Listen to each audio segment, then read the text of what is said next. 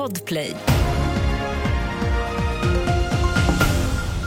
Först i nyheterna att polisen tror att en ny våldsvåg kan dra igång i Sverige efter dödsskjutningen i Irak igår. Enligt uppgifter till SVT och Aftonbladet ska då en man som tidigare varit en ledarfigur inom det kriminella nätverket Foxtrot ha skjutits till döds.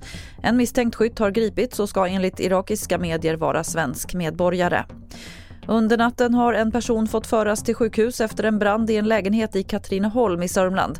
Larmet kom in vid tretiden från en granne som kände röklukt. Räddningstjänsten tog sig in i lägenheten och kunde släcka elden och hittade då den skadade personen. Det är oklart hur allvarliga skador det handlar om.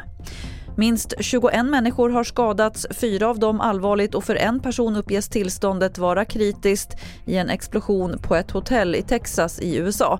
Fönster ska ha blåsts ut och delar av väggar, dörrar och bråte spreds över hela gatan utanför hotellet. Troligtvis orsakades explosionen av en gasläcka. Fler nyheter finns på tv4.se. Jag heter Lotta Wall.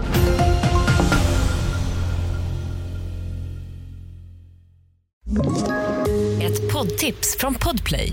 I fallen jag aldrig glömmer djupdyker Hasse Aro i arbetet bakom några av Sveriges mest uppseendeväckande brottsutredningar. Går vi in med hemlig telefonavlyssning och, och då upplever vi att vi får en total förändring av hans beteende. Vad är det som händer nu? Vem är det som läcker? Och så säger han att jag är kriminell, jag har varit kriminell i hela mitt liv men att mörda ett barn, där går min gräns. Nya säsongen av Fallen jag aldrig glömmer på Podplay.